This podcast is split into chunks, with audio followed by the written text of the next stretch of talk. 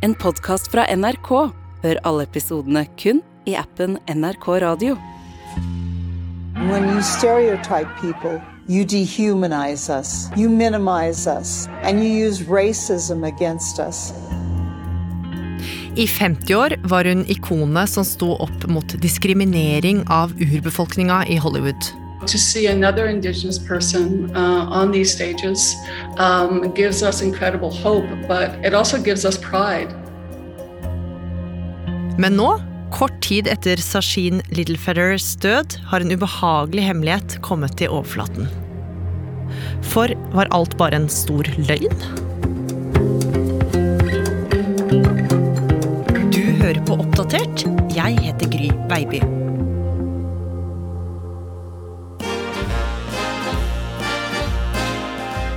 En marsdag i 1973 så var alle som kunne krype og gå av filmstjerner, samla i en staselig sal i Hollywood. Damene var kledd i flagrende lange kjoler, mennene i svarte smokinger og skjorter med rysjer på brystet. Stemninga var til å ta og føle på der de satt og var godt i gang med å hylle seg selv og filmindustrien. Og mange av dem kryssa nok fingrene for at nettopp de skulle få gå hjem med en helt spesiell mann denne kvelden. En bronsemann dekka med 24 karat gull fra topp til tå. Det gjeveste av det gjeveste i filmbransjen. En Oscar-statuett. Og Mari Reisjå, du er journalist her i Oppdatert, og du har dykka ned i denne helt spesielle saken. For inne i salen skulle det snart skje noe som det fortsatt snakkes om den dag i dag, 50 år seinere. En historie som nå nylig ble snudd på hodet. For det var nemlig én inne i salen som verken smilte eller lo. For midt blant de moteriktige folka satt en ung kvinne og skilte seg kraftig ut. Hun hadde ordna det lange, mørke håret sitt i to musefletter på hver side av ansiktet, og kjolen hennes den var laga av tykt skinn og hadde masse frynser over det hele. En typisk kjole som den amerikanske urbefolkninga kunne brukt. Og denne kvinnen, hun het Sashin Littlefeather. Og hun satt ikke i denne salen fordi hun var nominert til noen pris. Hun var sendt hit på oppdrag fra en av verdens mest kjente menn. Så kom øyeblikket hun hadde venta på. Ut på scenen kom de to prisutdelerne, James Bond-skuespilleren Roger Moore og norske Liv Ullmann. Sashin satt nok helt ytterst på stolen med nerven i høyspenn da hun så alt det her. For hun visste at om riktig navn ble ropt opp, så måtte hun gjennomføre det hemmelige oppdraget sitt. The winner is Marlon Brando in The Godfather. Og det navnet, Mari, det var jo hennes signal. Accepting the award for Marlon Brando and The Godfather, Miss Shashin Littlefeather. Og nå var det ingen vei tilbake. Med alles øyne i nakken tok hun fatt på trappene opp til den gigantiske scenen og fram til mikrofonen. Hello, my name is Sashin Littlefeather. I'm Apache, and I'm president of the National Native American Affirmative Image Committee. I'm representing Marlon Brando this evening. He re- very regretfully cannot accept this very generous award. And the reasons for this being are the treatment of American Indians today by the film industry. Excuse me.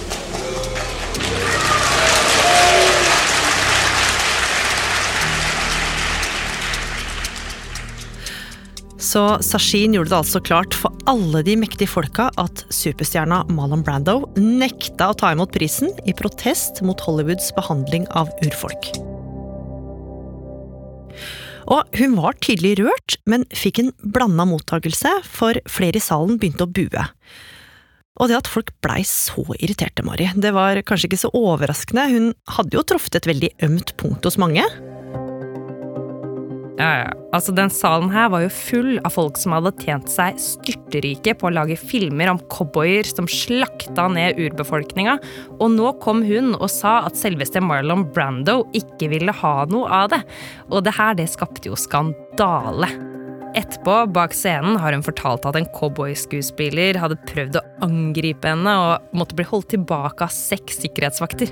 Og mens alt dette skjedde, kom Clint Eastwood ut på scenen og prøvde å glatte over det hele med en slags vits. I don't know if I should present this award on behalf of all the cowboys shot in all the John Ford westerns over the years.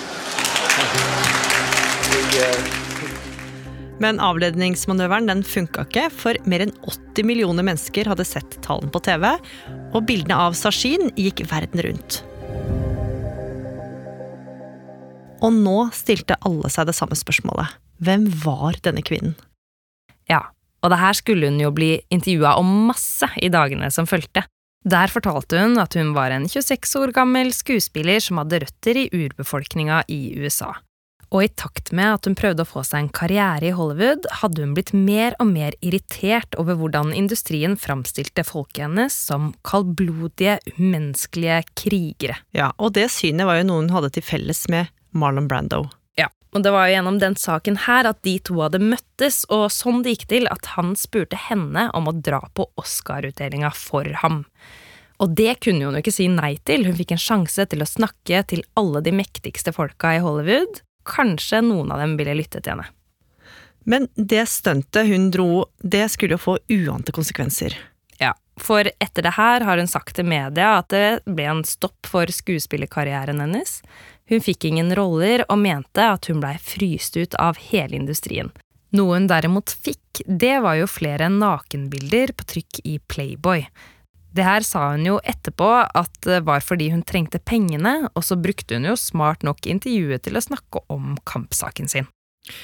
Og det var jo mange andre aktivister som ikke var så imponert over disse nakenbildene, men likevel, i åra som fulgte, så ble hun rett og slett et ikon for urbefolkninga i USA. Ja, og hennes store styrke, det var jo at hun var skikkelig god til å snakke for seg og gjøre intervjuer. Hun var ikke redd for å dele åpent fra livet sitt og urbefolkningas eh, problemer, og i disse intervjuene snakka hun masse om at hun hadde vært aktivist fra så ung alder at hun ikke forsto det selv engang, fordi det var liksom bare et resultat av at hun følte seg urettferdig behandla, og at hun var sint over at hun måtte vokse opp under dårlige kår og med lite mat. Og I tillegg så åpna hun opp om en del forferdelige ting hun hadde blitt utsatt for fra faren sin, som hun fortalte at var alkoholiker. I underwent a, a, a tremendous um, child abuse when I was younger from my parents, especially my father. And it hurt me very, very deeply. Your dad was um, a deaf mute, is that? Right. And, but aside from that, my father was a very ill person. The physical and the sexual abuse that he inflicted at a very, very young age made me feel that I was unworthy of love. Og så fortalte hun jo at alt det hun hadde opplevd, bare hadde gjort henne nå sterkere og styrka engasjementet og kampen mot diskriminering. Og utover 80-tallet så ble hun et ynda medieobjekt og fortalte villig flotte historier om alt hun hadde fått til. En av sakene hun var engasjert i, var kampen mot aids blant urbefolkninga. Og det her var jo ekstra personlig for henne, for i 1990 så delte hun den triste nyheten om at broren hennes faktisk hadde dødd av aids.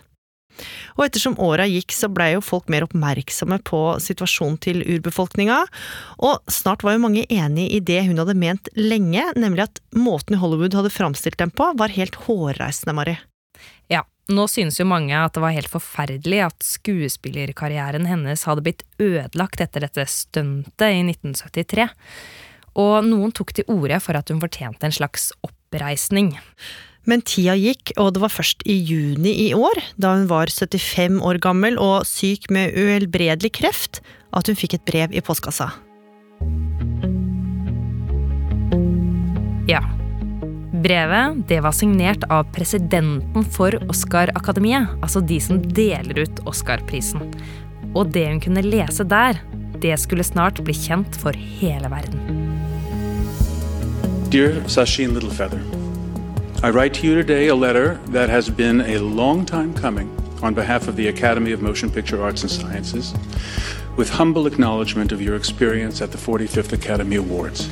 In a letter, its president said the abuse you endured because of this statement was unwarranted and unjustified. For too long, the courage you showed has been unacknowledged. For this, we offer both our deepest apologies and our sincere admiration. Little Feather has been invited to be the guest of honor at an evening of healing and indigenous celebration hosted by the Academy Museum.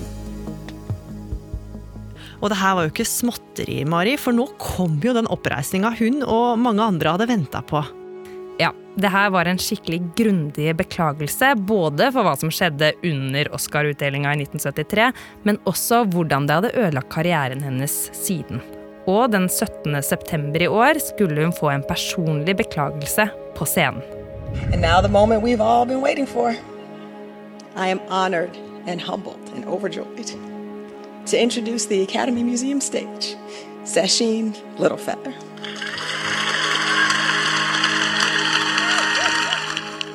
Og nå kunne Sashin se hvordan hele salen reiste seg og klappa og jubla mens hun selv ble trilla ut på scenen i en rullestol. Hun hadde pynta seg med rød leppestift og farverike, tradisjonelle smykker, og selv om hun var tydelig sliten, så smilte og vinka hun til publikum.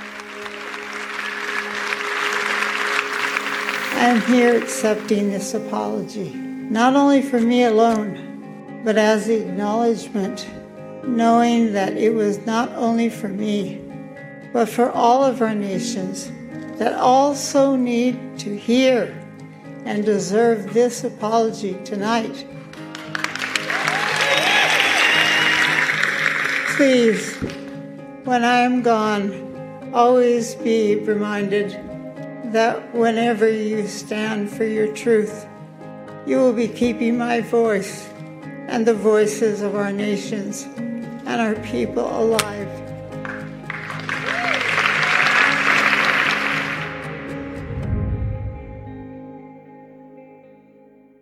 Kanskje visste hun selv at eh, dette kom til å bli hennes siste store sceneopptreden. For bare to uker seinere så kom de triste nyhetene.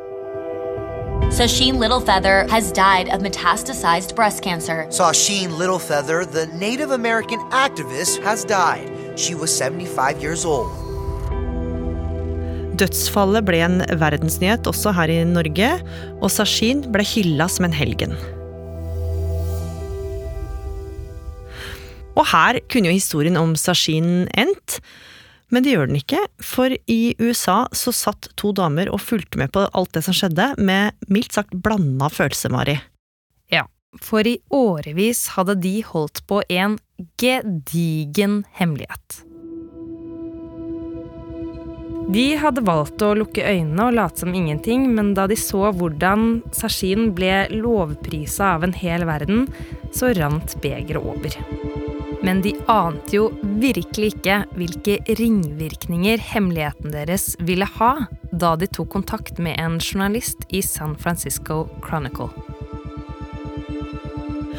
Og denne journalisten hun var jo allerede på sporet av at det kanskje var ugler i mosen i hele denne historien her. Og nå fikk hun virkelig blod på tann. Ja, for disse to damene de presenterte seg som ingen ringere enn søstrene til Sashin Diddlefeather. Bare det at de kjente henne som Deb, eller til nød døpenavnet hennes Marie Louise Cruise. De sa at søsteren deres var en helt annen person enn den hun hadde utgitt seg for å være. Og med det begynte journalisten å granske slektstreet til familien helt tilbake til 1850-tallet. Og det hun fant, det sjokkerte jo også søstrene. Sachin Littlefeather's sisters claim she is not Native American. It turns out that that Apache lady, Sachin Littlefeather, does not have one drop of Apache blood in her. It is a fraud, her other sister said. It's disgusting to the heritage of the tribal people, and it's just insulting to my parents.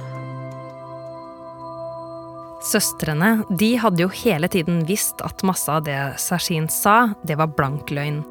Hun hadde jo hevda at faren deres var en del av en helt spesiell urfolksstamme i USA, men ifølge dem var sannheten at familien hans kom fra Mexico.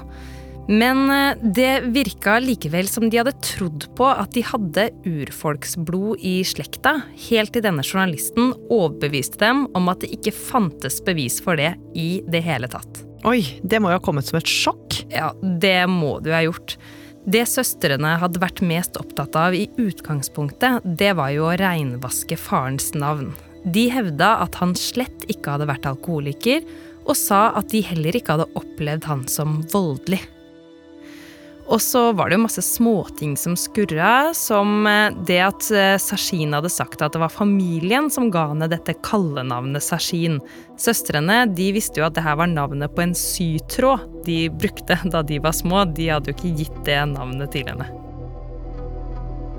Og det viste seg jo også at mistanken om at noe ikke helt stemte med det Sashin hadde fortalt, hadde begynt å ulme allerede på 70-tallet. Noen mente til og med at kjolen hun brukte på Oscar-utdelinga, var et kostyme hun hadde kjøpt like før.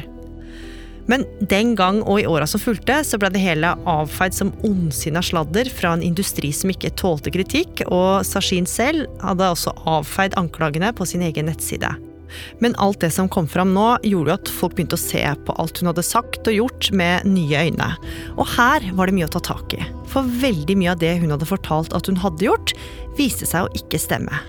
Og bare denne fortellingen om at broren hadde dødd av aids, var jo oppspinn. Hun hadde aldri hatt en bror. Med andre ord, nå virka det som om hele livet hennes var bygd på en løgn. Men Mari, hvorfor ville Sashin gjøre noe sånt?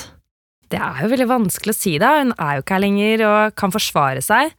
Søstrene mener nok at hun hadde en ambisjon om å bli kjent, og at hun trodde at det var bedre å være en spennende skikkelse fra urbefolkninga enn en fra en meksikansk innvandrerfamilie. De mener rett og slett at hun var flau over opphavet sitt. Og så, når hun først hadde starta, så kan man jo se for seg at hun ble fanga i sin egen løgn. Og det kan jo også hende at hun faktisk trodde på den selv, for det er jo fortsatt teoretisk mulig at det er feilkilder i familietreet hennes, og at eh, noen kan ha hatt urfolksblod i årene uten at dette er dokumentert. Men hvordan har folk reagert på denne store avsløringa, da? Jo, her er det jo mye følelser. Sashin hun har jo vært en rollemodell og en inspirasjon for mange urfolksaktivister, og det har jo kommet gode ting ut av engasjementet hennes. Det aller siste hun gjorde, det var å ønske seg donasjoner til eh, syke urfolksbarn i stedet for blomster i begravelsen sin.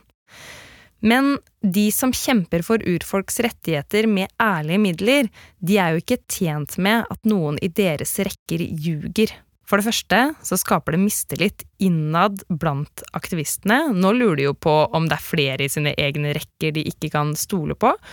For det andre så er jo dette med oppreisning til urfolk et betent politisk tema i USA. Det finnes krefter, spesielt på høyresida, som mener at urfolket får for mange goder, og at media og venstresida sluker alt de sier rått.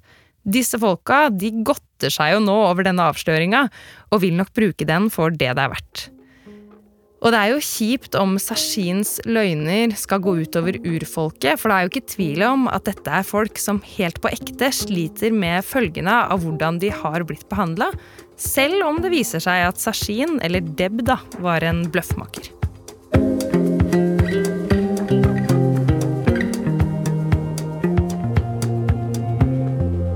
Oppdatert er en podkast fra NRK Nyheter, og denne episoden den er laga av oss. Research og regi Mari Reisjå. Lyddesign Espen Bjørlo Mellem.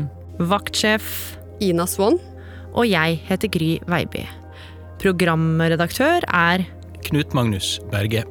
Klippene du har hørt, er fra dokumentaren Sashin Breaking the Silence, CBS News, Time, YouTube-kanalen til Oscar-akademiet, The Native Patriot og Michael Knowles, KPIX-TV, NBS News, CTV News, Entertainment Tonight, People.com og Newspost 24 USA. Har du tips eller innspill, send oss en e-post, da. Adressen er oppdatert krøllalfa nrk.no. Og du, liker du det du hører, så må du gjerne tipse en venn om oss. Du har hørt en podkast fra NRK. Hør alle episodene kun i appen NRK Radio.